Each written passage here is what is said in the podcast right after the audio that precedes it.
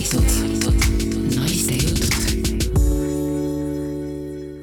armsad naistejuttude kuulajad, tänases saates me räägime õppimisest ja see ei puuduta mitte ainult neid, kes läksid kooli ja ülikooli, vaid see puudutab absoluutselt kõiki inimesi. sellepärast, et kas me sellest mõtleme või ei mõtle, õppimisega me tegeleme iga päev, ainus erinevus on selles, et see õppimine võib olla naudingut pakkuv ja tulemusi loov ja inimese enesehinnangut tõstav, aga see võib olla ka frustratsiooni tekitav, traumaatiline, vastik, tüütu, valus kogemus. mul on stuudios külas üks inimene, kes oskab seda teemat väga hästi lahti harutada. tere tulemast, haridusinnovaator Märt Aro tere, tere, väga meeldiv sinuga taas vestelda. me oleme teinud Märdiga ühe loo ka, äh, see oli koroona ajal, ja seda luges äh, mingi sada kakskümmend neli tuhat inimest. Ja see on tohutu suur arv ja inimesed äh, võtsid nagu konkreetselt sellise aktiivse lugeja seisukoha, ehk siis nad lugesid, jagasid edasi, avaldasid arvamust, kirjutasid ja enamus kommentaare olid sellised, et lõpuks ometi üks mees räägib asjast nii, nagu see on. ja siis ma mõtlesin, et kui ma olen juba nii ägeda inimesega tuttav, siis ma tutvustan seda naistele juttude kuulajatele ka. aga kui me mõtleme selle peale, et haridussüsteem, miks ta üldse vajab muutmist, et mis meil on seal niisugused kohad, mis teevad selle õppimise kahjulikuks, valusaks ja ei anna meile tulemusi. sa võid kohe hakata täitsa rahulikul niisuguse julge kriitikaga pihta me läheme hea poole peale ka? see on hästi hea lai küsimus, et ja äh, justkui tundub, et võiks olla lihtne vastata, aga äh, hakkab hästi, kuskilt peale. jah, hästi palju erinevaid nurki, mida võiks vaadelda selle juures, et äh, ja noh, mis on nagu positiivne, on see, et järjest rohkem uuritakse, kuidas meie aju töötab, mismoodi me üldse oma, oleme võimelised mingisugust uut teadmist omandama või uusi oskusi ja noh, mm, selle baasilt on siis võimalik tegelikult analüüsida ka seda haridussüsteemi üsna äh, noh, ütleme palju paremini kui võib-olla sada aastat tagasi.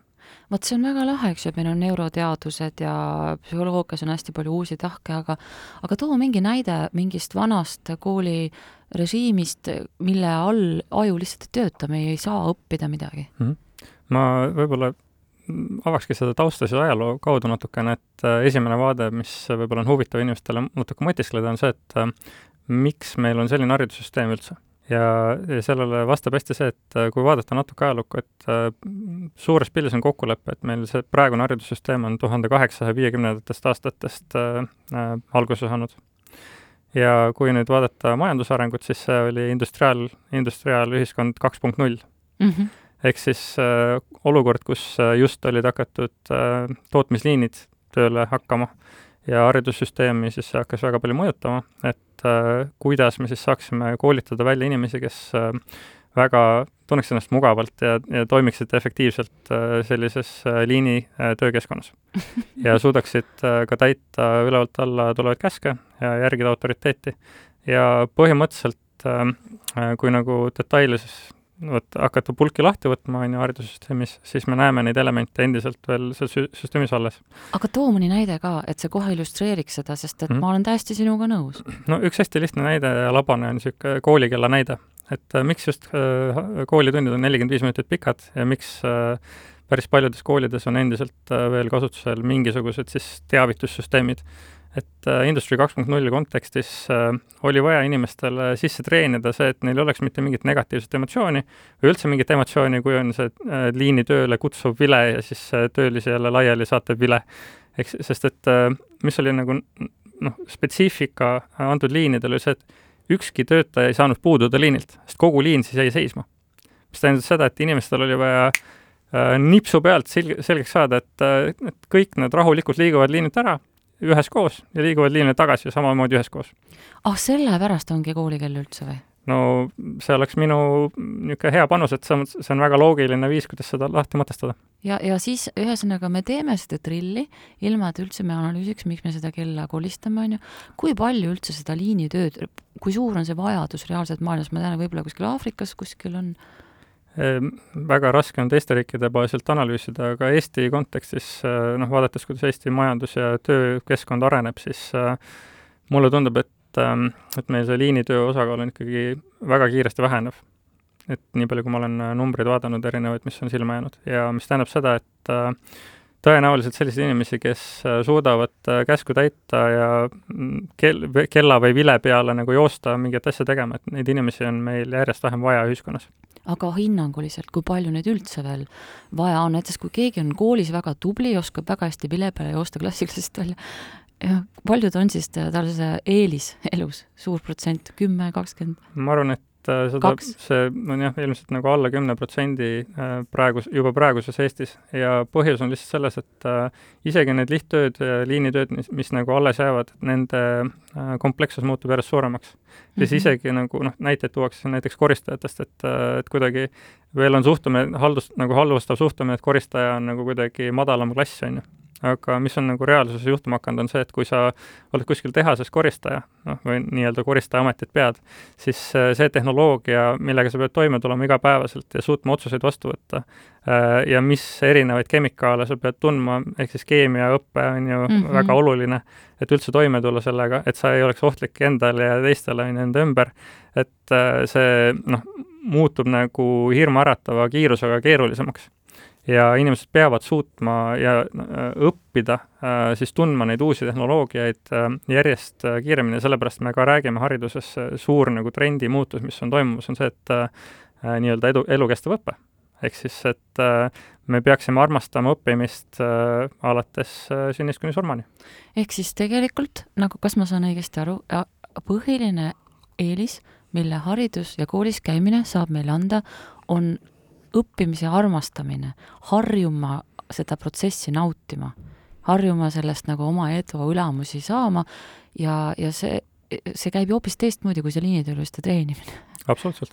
ja, ja siis ma ei taha nagu väga niisugust karmilt öelda, aga mulle tundub küll niimoodi, et siis, et me nagu valmistame ette seda laadi inimesi, keda ühiskond ei vaja üheksakümmend protsenti ootab, et keegi käsiks ja vile peale ta teeks oma loomingulist tööd siis või ma ei tea, mis asja. Jah, vile peale kahjuks loomingulist tööd äh, teha ei ole praktiliselt võimalik, et seda on ka uuritud äh, suhteliselt põhjalikult, et äh, loomingulised protsessid on hoopis teistsugused. Ja noh, kui me räägime ka süvitsi õppimisest näiteks, ehk siis, et äh, saada niisugusesse sügavasse õppimisprotsessi või ka töö tegemise protsessi, kui sul on mingisugune komplekssem väljakutse või siis noh, näiteks ajakirjaniku sa, sa väga hästi tead, et, et sul on vaja saavutada mingi flow mm, -hmm. et sa mhm. suudaksid, on ju, head lugu kirjutada. ja kui me nüüd äh, lõhume seda protsessi näiteks äh, kellaga või vilega, siis äh, seda on ka uuritud, et äh, see on äh, väga halva mõjuga, et seda nii-öelda süg-, sügavat õppimise ja töö tegemise protsessi ei tohiks tegelikult lõhkuda. ja kas seda on ka teada, et kui kaua, need tsüklid vist on väga erinevad inimeseti, on ju, aga ilmselt see kestab kauem kui nelikümmend viis minutit, sest et kui sa lähed ikka tõesti nagu süvened, no ma eile just kirjutasin ühte lugu, kirjutasin lahti ühte teemat, mis oli minu jaoks täiesti uus ja ma pidin täi-, noh, nagu uut keelt õppima ja ma läksin sinna sisse, kell oli üks ja siis ma vaatasin, kell oli õhtul kell kaheksa ja vahepealset aega ma üldse ei tea mm. -hmm. täpselt nii ongi, see on see sügava nagu loova protsessi äh, käivitamine ja äh, mis, mida on nagu uuritud, on see, et äh, miks on hästi halb mõte näiteks telefoni hoida aktiivsena enda töölaual siis, kui sa niisugusesse sügavasse loo-, loomeprotsessi lähed on see, et äh, kui sind nüüd äh, noh, näiteks äh, keegi helistab sisse või tuleb sõnum ja sa näed ja, ja nagu hetkeks viid mõtted mujale ja keskendud sellele teisele teemale, siis see küll tundub, et see on võib-olla ainult mõned sekundid.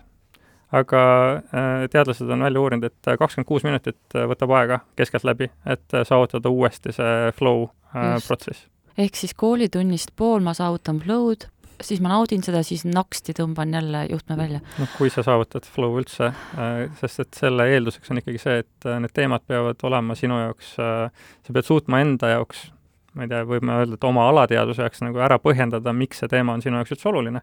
sest kui me seda ei suuda teha, siis me seda sügavat, noh, siis hakkab seal nagu vastutöötamine, need väiksed mehikesed meie peas hakkavad jutustama meile juttu, et kuule, et see on nõme, ma ei tahaks üldse selle, siin praegu olla, mingid sellised äh, lood hakkavad kuskil kuklas käima ja, ja äh, laps, kes on näiteks, või õppija, õppija, kes on sellises olukorras parasjagu, tõenäoliselt ei äh, suuda üldse mingisugust sügavat õppimisprotsessi vastu võtta.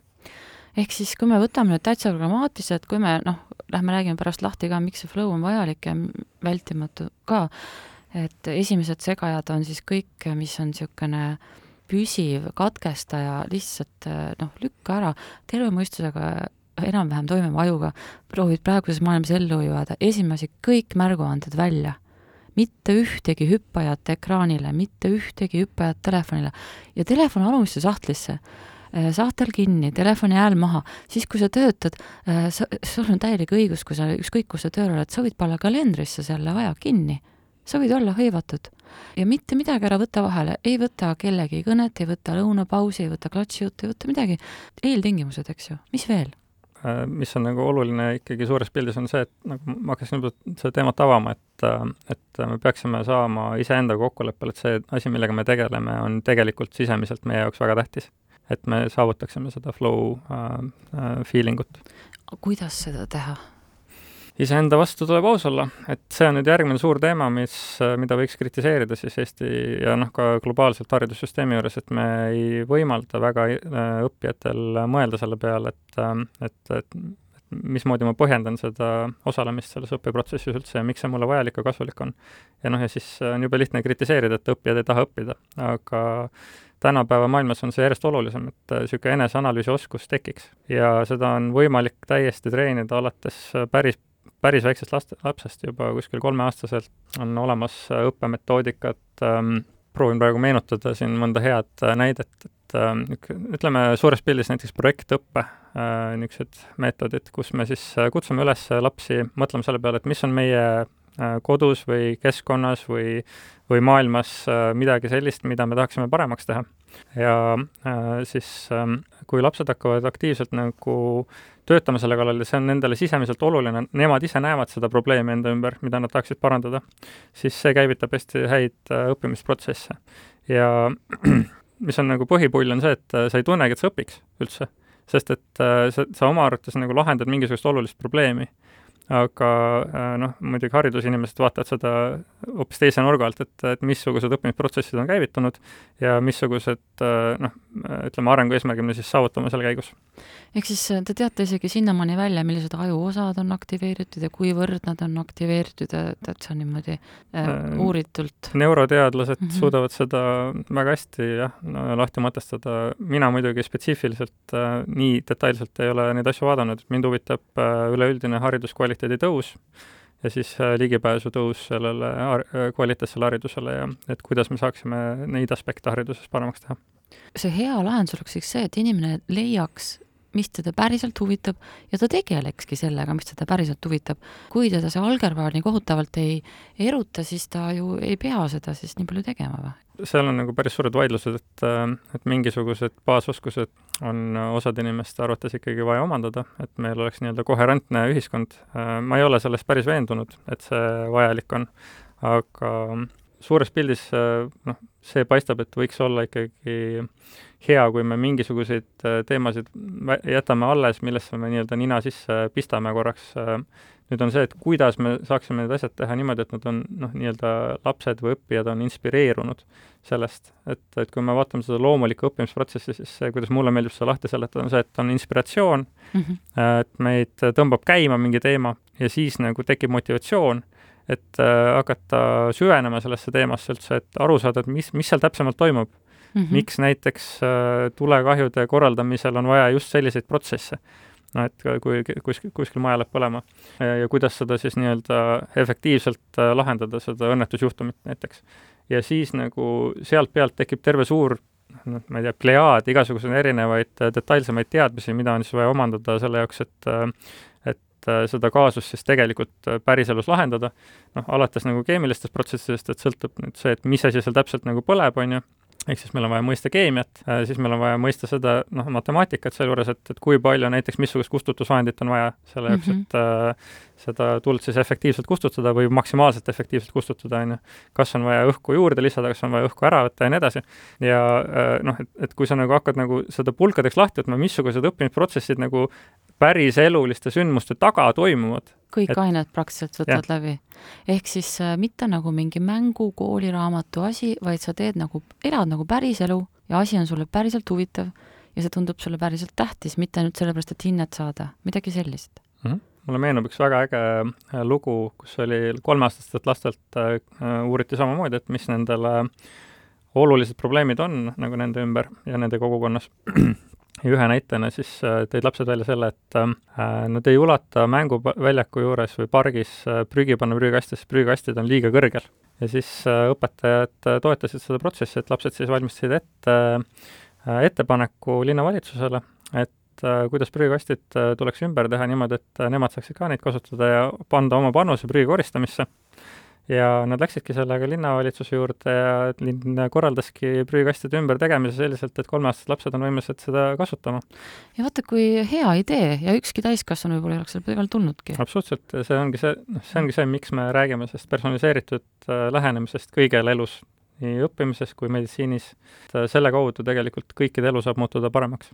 ja aga mis siis juhtub, kui me ei leia seda sisemist motivatsiooni, inspiratsiooniks pole üldse aega, sest sa pead lihtsalt äh,, minu meelest praegu on sageli see, et sul lihtsalt antakse käsk ja eeldatakse, et sa käsku täidad kiiresti mm. ja isegi ei küsita, mida sa sellest arvad. mis siis juhtub, mis meie aju teeb, kas me õpime midagi? aju on väga kaval äh, instrument et kui meil ei ole nagu alateadusega kokkulepet, miks meil mingisuguseid asju vaja on. seda on rohkem uuritud just äh, niisugune eksamiks õppimiste osas mm. -hmm. et kui nüüd meie aju on saanud selgeks, et äh, see õppimisprotsess, mis praegu käivitub, on puhtalt selle jaoks, et saada eksamil võimalikult hea tulemus. siis mis see aju teeb pärast seda, kui eksam on läbi? ta viskab kõik selle teadmise praktiliselt ajust välja. et, et ühesõnaga, aju juba ette arvestab, et ajutiseks kasutamiseks pillun sisse ja pillun välja, süsteemi ei loo, on ju. Mhm.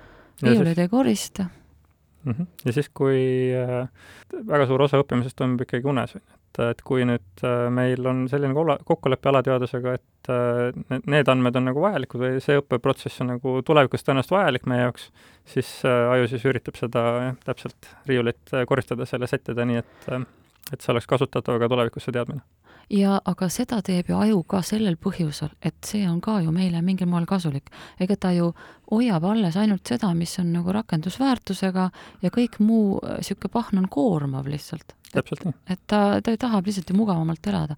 aga sa ütlesid, et õppimine toimub unes. kuidas siis enda alateadvusega teha niisugune kokkulepe, et sellest unest ka oleks nagu meile päriselt kasu sellel moel, nagu me tahame?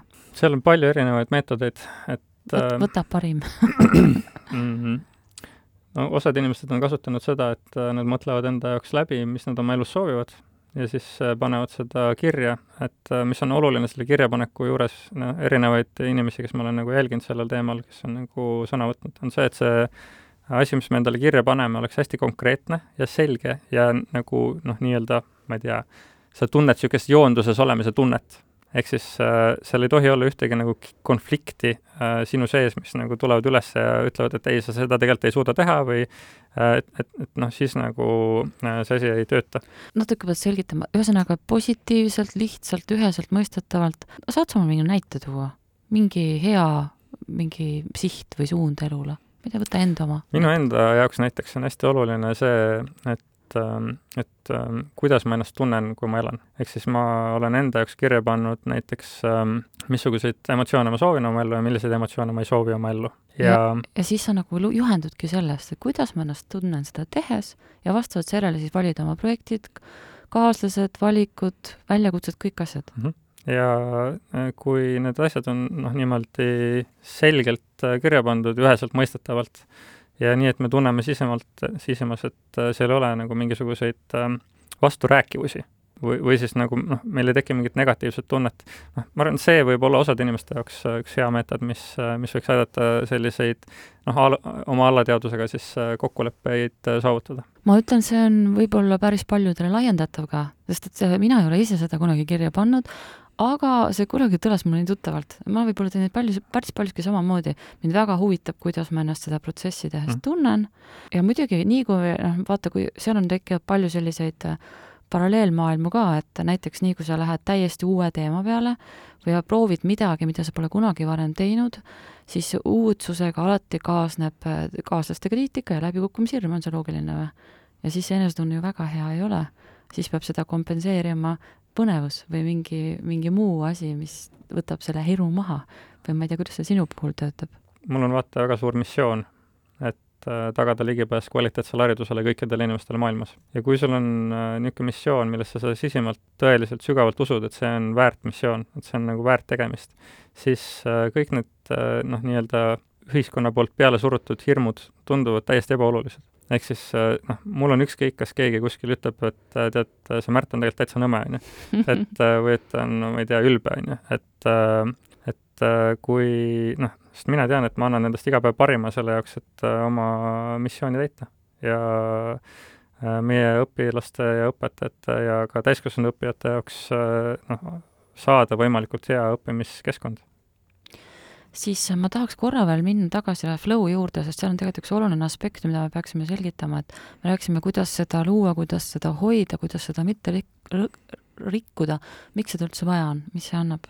Äh, soovitaksin täitsa tutvuda mingit kirjandusega, mis puudutab flow teooriat, et äh, sellest on päris palju nüüd räägitud, ta on niisugune seitsmekümnendatest aastatest äh, pärit teooria. Ja ta ütleb seda, et meil on teatud, kui me õppimise vaatest vaatame, siis on teatud tase, et see on umbes kaheksakümne viie protsendi tase, kus on äh, meil vaja teadmiste poolest olla, et saavutada siis flow'd.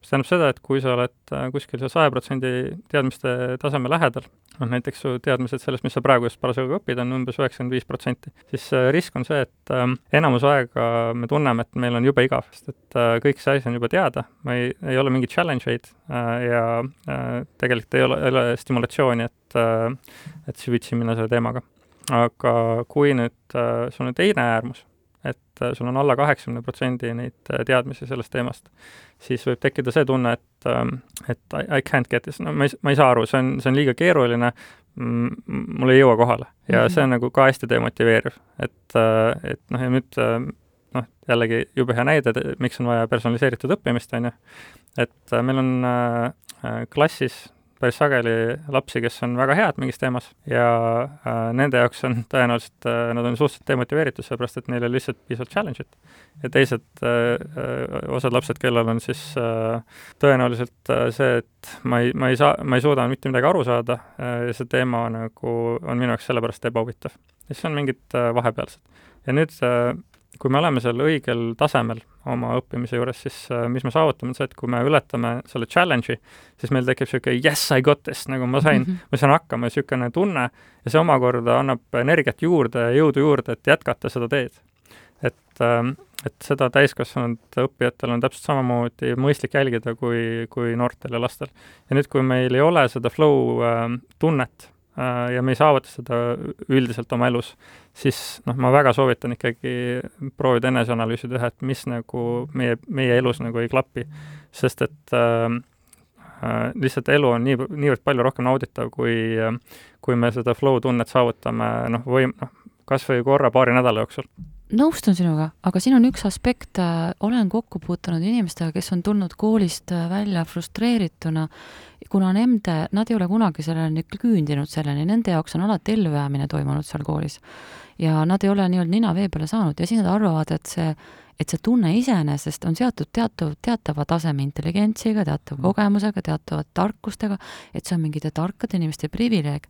ja mina olen täitsa veendunud, et see on eksitus, aga ma arvan, et sina oskad seda paremini seletada.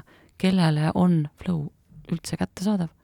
Ma olen ikkagi tänaste teadmiste baasil täiesti veendunud, et kõigil inimestel toimub aju samamoodi. noh, mõttes, kui sul ei ole just mingisugust äh, eripära, aga see on väga-väga väike protsent, ma arvan, mur-, null koma midagi protsenti ühiskonnast, et äh, et see, see flow tunne tegelikult tekib äh, keemiliselt äh, ajus äh, selle tõttu, et meie aju annab meile niisuguse dop-, dopamiinilaksu äh,, kuna me teeme asja, mis on meile sisemalt oluline ja, ja me Äh, saavutame enda seatud eesmärke. ja noh, selles mõttes, et seda on jube hea ära kasutada, kui sa tead seda, et su aju töötab niimoodi, siis saad seda kasutada ära lihtsalt selle jaoks, et enda elukvaliteeti tõsta. ja ühesõnaga, igaühel lihtsalt pane need oma komponendid õigesti, vali piisav väljakutse, ära pane, võta liiga suurt tükki, võta just nii, et sa enam-vähem, kaheksakümmend viis protsenti enam-vähem tead, mis sa teed ja väike väljakutse peab ka olema, eks ju mm.. sest vastasel juhul jalutab meie aju minema, mõtleb, et ah, mul on igav, väljakutse puudub. noh, kui nüüd nagu minna sinna teoreetilise baasi korra nagu detailsemalt sisse, siis äh, on võimalik neid kääre suurendada, et äh, kui meil on nagu väga suur äh, sisemine motivatsioon midagi saavutada, siis äh, me saame venitada seda nagu laiemaks, et me võime ka oluliselt madalama protsendi pealt äh, tegelikult sisse minna. Et ja meil on täitsa ükskõik tegelikult, me see teadmiste tase ei ole piisav, me oleme valmis pikka aega pühenduma sellele, et oma eesmärki saavutada. Ja kui on väljakutseid, siis me ei anna alla. Et, et noh, see on ka oluline, et, et seda nimetatakse inglise keeles grit. Mm, -hmm. et sa oled nõus äh, ja valmis pika aja vältel pingutama oma eesmärgi saavutamise nimel. ja siis sa saad ikkagi selle lõpuks selle dopamiinilaksu sealt kätte, kui sa selle tulemuse saavutad ja seda neuroteadlased suudavad ka väga ilusti jälgida. kuidas seda gritti siis endas treenida või käivitada? ma arvan, et siin on jälle, et äh, noh, nagu ma ennem tõin enda näite, et, et, et mina näiteks vaatan, et mis on minu emotsioonid mulle ütlevad, et, et kas ma, kas mul on need tunded minu elus, mida ma soovin. Et teist, noh, osadel inimestel on palju lihtsam näiteks niimoodi, et äh, nad mõtlevad selle peale, et äh, missugused materiaalsed eesmärgid neil on et noh, mulle tundub, et enamasti, kui me räägime nagu, vaatame motivatsioonikoolitajaid, siis nad enamasti räägivadki materiaalsetest eesmärkidest, et nagu inimestel on lihtsam nendega ennast seostada. jaa, rahast, alati on jutt rahast, aga see on tegelikult, raha on ju sümbol nagu iga teinegi. raha, raha on lihtsalt vahend, et mm, -hmm. et seda me saame kasutada millegi saavutamiseks, aga noh, mulle, mulle tundub, et, et kasulikum on panna nagu mingisuguseid sisulisemaid eesmärke. et ma, et mul on nagu mingi oma isiklik visioon, kuhu ma tahan oma eluga jõuda. elu on suhteliselt lühike, et vähemalt noh, minu vaatest, et, et, et, et noh, tasub nagu läbi mõelda seda, et et mis nagu, kus ma võiksin olla viie aasta pärast. ja need inimesed, kes seda suudavad läbi mõelda ja mõtestada endale, need ka väga sageli saavutavad mingisuguseid mõistlikke tulemusi oma elus. aga praktikas, kuidas see siis käib, et ühesõnaga, kui mul on, kui mul eesmärki ei ole ja suunda ei ole, siis ma ei liigu kuhugi, sest ma isegi ei tea, kuhu poole. ja seetõttu mul pole ka ju motivatsiooni seda ekstra sammu teha, kui ma kuhugi poole teel ei ole. et kas see siis nii lihtsalt käibki või? no ma, kui seda nagu võib-olla inimkeeles lahti seletada, siis. Äh, võib-olla seletaks seda niipidi, et äh, kui sa ei ole endale eesmärki pannud äh, mitte mingisugust, mis, millega sa oleksid ise nagu kooskõlas mm, -hmm. siis äh, su alateadvus ei saa sind aidata äh, selle eesmärgi saavutamisel. et äh, nii lihtne see ongi. et äh,, et ku-, ja noh, mis, mis tähendab seda, et sa võid päeval pingutada äh,, mi-, noh, rapsida millegi, millegi suunas äh,, aga öösel su alateadvus äh, noh, vaatab, et, et see ei ole oluline ja nullib ära nagu võib-olla kas osaliselt või täielikult selle töö, mis, mis sa nagu teadlikus mõistuses oled äh, päeval teinud. õppeprotsessi, siis ühesõnaga selle, mis, see, see ongi see secret, et see öösel, mis tegelikult see, mis siis toimub öösel, kas on kuidagi siis nagu laseme sügavamatesse iseenda kihtidesse siis selle teadmise või paneme süsteemi, mida me seal unes siis teeme, miks see nii tähtis on? mõtlen, kuidas seda nagu inimkeeles ilusti äh, sõnastada, et jah, mitte keeruliselt. ma arvan, et ajuteadlased äh, oleksid noh, võib-olla palju põnevamad kuulata sellel teemal, kui äh, kutsun ka neid varsti.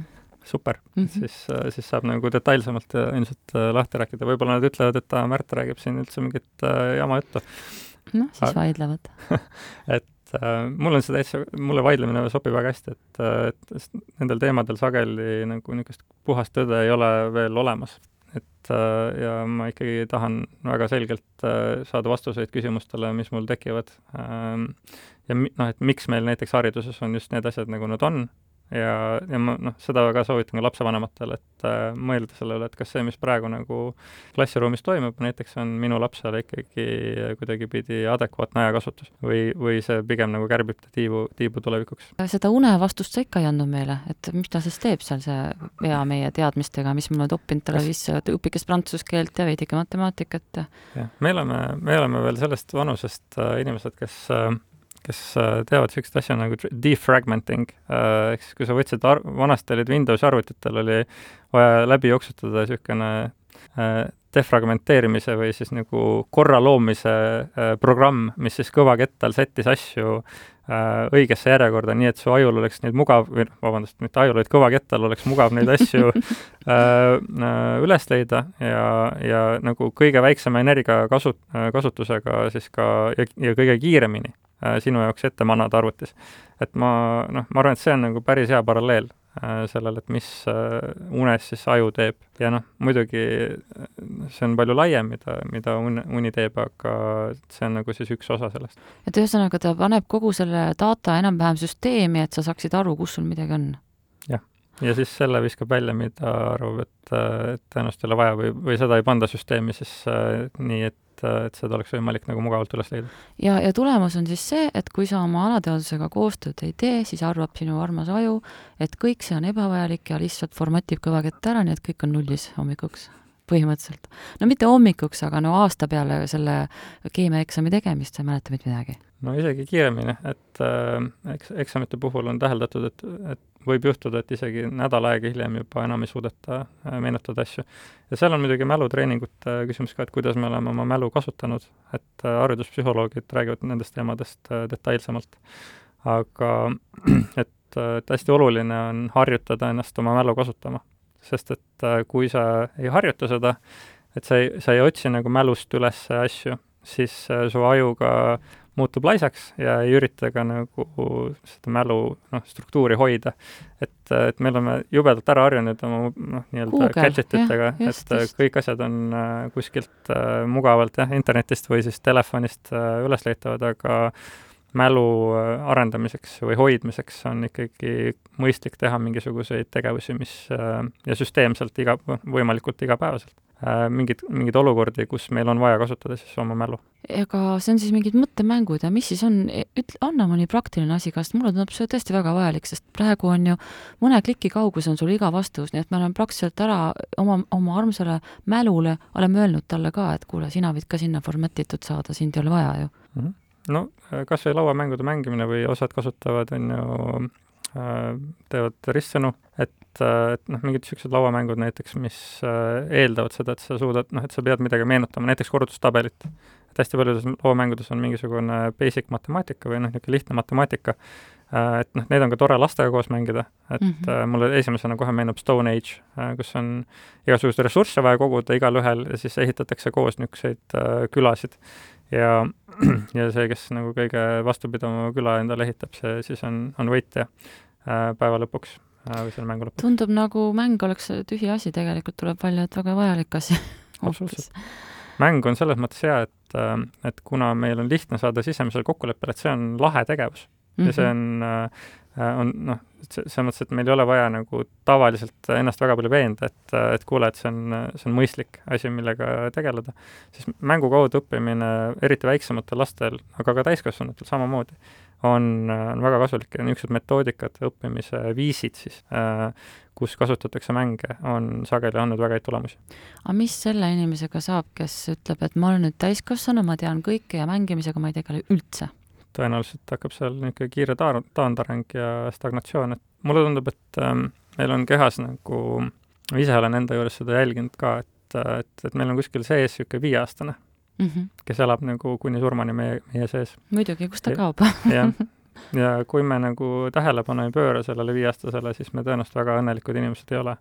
Et vahetevahel tuleks teha midagi, mis seda sisemist viieaastast rõõmustab. ja noh, te teine on siis mingi sisemine teismeline, Äh, keda on ka vaja jälgida, et äh, ka tema oleks, äh, oleks rahul sellega, mis toimub. no ütle kolm asja viieaastase rõõmuks ja kolm selle mässava teismelise rõõmuks ka, et nad oleks rahul. no ma iseenda puhul proovin jälgida seda, et nagu mõista, et noh, niisuguse mindfulness harjutusena juba, et okei okay,, nüüd ma olen teinud midagi, mis mu viieaastasele meeldis.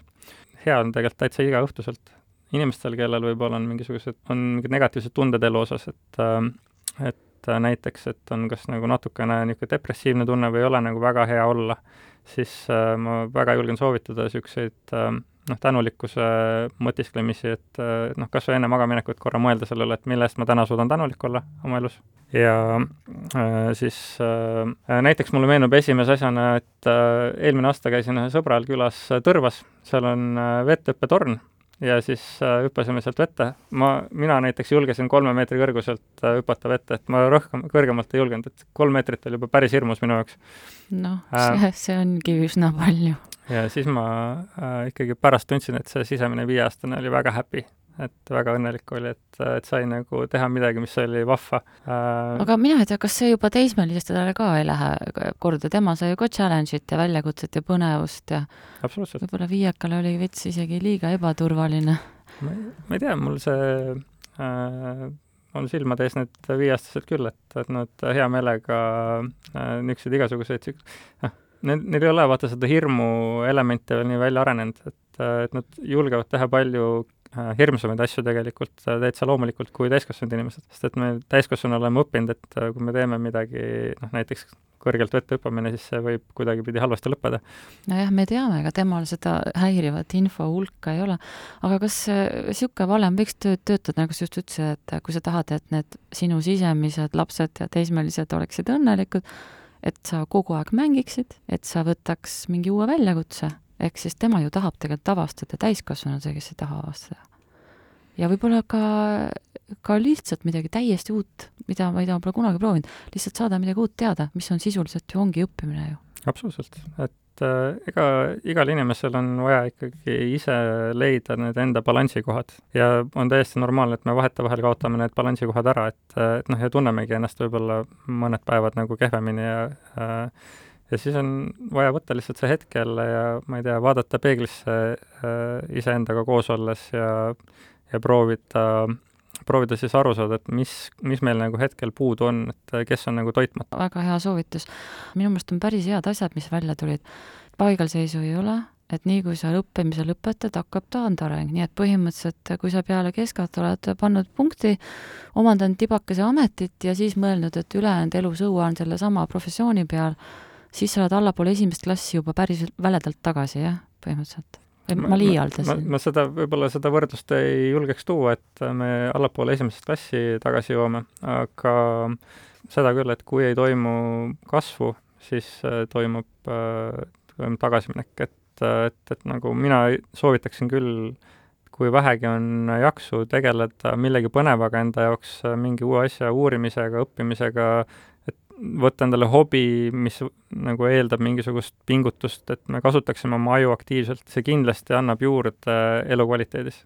ja noh, ja me tunneme ennast iseenda ajuga õnnelikumalt. samas, et äh, mulle hästi meeldib see Eckart Tolle vaade inimese ajule, kus, äh, kus siis nagu mõtlemine äh, on, on asi, mida me saame kõrvalt vaadelda ehk siis ja mõtlemine ei ole meie osa, et ta on nagu õpitud või noh, niisugune tänu äh, meie keha arengule toimunud niisugune äh, hea tulemus ja tööriist on see, mida me saame kasutada, et oma elu mõtestatult elada ja teha paremaid valikuid oma elus. aga kui me laseme oma ajul äh, lihtsalt vabalt äh, rännata, hea paralleel, mis mulle õudselt meeldib, on see, et äh, et kui sa istud taksosse, aga sa ei ütle taksojuhile, kus sa tahad sõita. issand, kui hea! sellest saab igaüks aru. et üldiselt võiksid ikka öelda alati mitte, et sõida vahel harva on meil elus olukordi, kus me tahaksime lihtsalt istuda taksosse ja öelda, et sõida. väga harva, aga enamus aega me ju tahaksime ikkagi jõuda mingisugusesse sihtkohta. jah, aga kuidas me oma ajuga teeme? kui me talle ei ütle, siis ta lihtsalt kruiisib. ma tean küll, kus ta sõidab, ta sõidab sinna, kus tal on kõige mugavam ja kõige vähem vaja tööd teha või osade inimeste jaoks kahjuks on see mingisugused negatiivsed äh, stsenaariumid, et äh,, et äh, seda on ka uuritud et, kuskil kaheksakümmend viis protsenti, noh jällegi, me räägime üldistatult äh,, ajast meie aju tegeleb negatiivsete mõtete genereerimisega. ehk siis igasuguste võimalike negatiivsete stsenaariumite ette ennustamisega, läbimängimisega Äh, võib-olla meie enda kritiseerimisega, et kui me ei ole nagu piisavalt head, on ju, siis mm, -hmm. siis me ei saavuta seda või seda asja või meie elu läheb selle mõtte, noh, selle võrra halvemaks. et äh, noh, et, et kui sa lased nagu oma ajul niimoodi vabalt seal tõmmelda ringi nendes negatiivsetes mõtetes, siis noh, see elukvaliteedile tõenäoliselt midagi väga positiivset ka juurde ei anna ja noh, võib-olla pigem nagu me riskime sellega, et me olemegi lõpuks ise ka kibestunud. ja mis siis selle vastu aitab? No mindfulnessi harjutused, mis iganes formaadis, et kellele meeldib jooga, kellele meeldib äh, meditatsioon, kellele meeldib äh, Eckart Tolle mudel, et lihtsalt äh, tõmmata ennast teadlikuks ja vaadelda, on ju, mis minu, mis minu mõte parasjagu, kuhu ta läheb, kus ta liigub, mida ta teeb, jälgida mm -hmm. neid mõtteid, mida me tegelikult ei, ei väärtusta, mis ei loo meile väärtust. tundub tõesti, et me läksime natukene niisuguseks äh... tiibiks, aga tead, see käibki asja juurde mina arvan, et see on okei okay. tead, ma ühe vähe, vähem äh, professionaalselt kõlava väite ma toon siia juurde ka, mida ma tean sellest, et ma olen ikkagi äh, töötanud inimestega suur hulga aja ja kümneaastast lastega, see on selline väga lihtne asi. esimene indikaator sellest, et inimesel on, temal on liiga vähe probleeme lahendada ja ta ajul on liiga vähe põnevat tegevust, on vingumine. minu meelest äh, hästi palju sellist tühja ruumi täidab vingumine, siis hakkab tulema rahulolematus, siis tulevad paranoiad, siis tuleb igasugust sellist nagu negatiivne mõtlemine võrsub ka sinna, kus minu meelest on liiga vähe õppimist ja avastamist. võib-olla see on liialdus, aga Kristinkale tundub nii. ja ma arvan, et see on väga hea näide, et äh, tõesti, kui me ei kasuta oma aju ja oma mõtlemist, ehk siis seda tööriista, me ei kasuta oma taksojuhti mõistlikult mm, -hmm. siis mhm. ta tõenäoliselt ka mi-, midagi ebamõistlikku meie jaoks genereerib, et äh, võib-olla viibki meid sinna ma ei tea, kuskile tänavale, kus on siis need pahad tegelased, on ju, kelle, kes on võib-olla meile ohtlikud. aga noh, et jube jama on elada niimoodi, kui äh, iseennast, noh, sa ise oled enda jaoks nagu suurim vaenlane tegelikult. aga noh, esimene samm on juba see, et äh, leiad midagi, mis sind päriselt huvitab ja hakkad siis ennast arendama selles osas. kuidas seda flow'd äh, tekitada, seda saab sellest osast kätte. Ja ma arvan, et päris palju muid asju ka, vaata see teema on kurivaim nii huvitav ja nii lai, et me kahjuks sügavamale täna ei jõua minna, aga me saame seda võib-olla edaspidi teha, kui teil tekkis nüüd küsimusi sellest, kuidas veel õppida, kuidas aju kasutada, siis võite kirjutada mulle kristina.roodes.postimees.ee selle saate lahtikirjutuse, kui see läks nüüd liiga hoogsas tempos sinu jaoks ja sul oli olnud aega paralleele tõmmata, saad läbi lugeda naine.postimees.ee. külas oli meil haridusinnovaator Märt Aru, aitäh tulemast! aitäh kutsumast! järgmist osa Naiste jutte ma loodan, et see tuleb sama tark ja tore. Te kuulate taas laupäeval kell üksteist. nägemist! Postimees Naine naised teavad, mis kütab kirgi. avasta ise naine.postimees.ee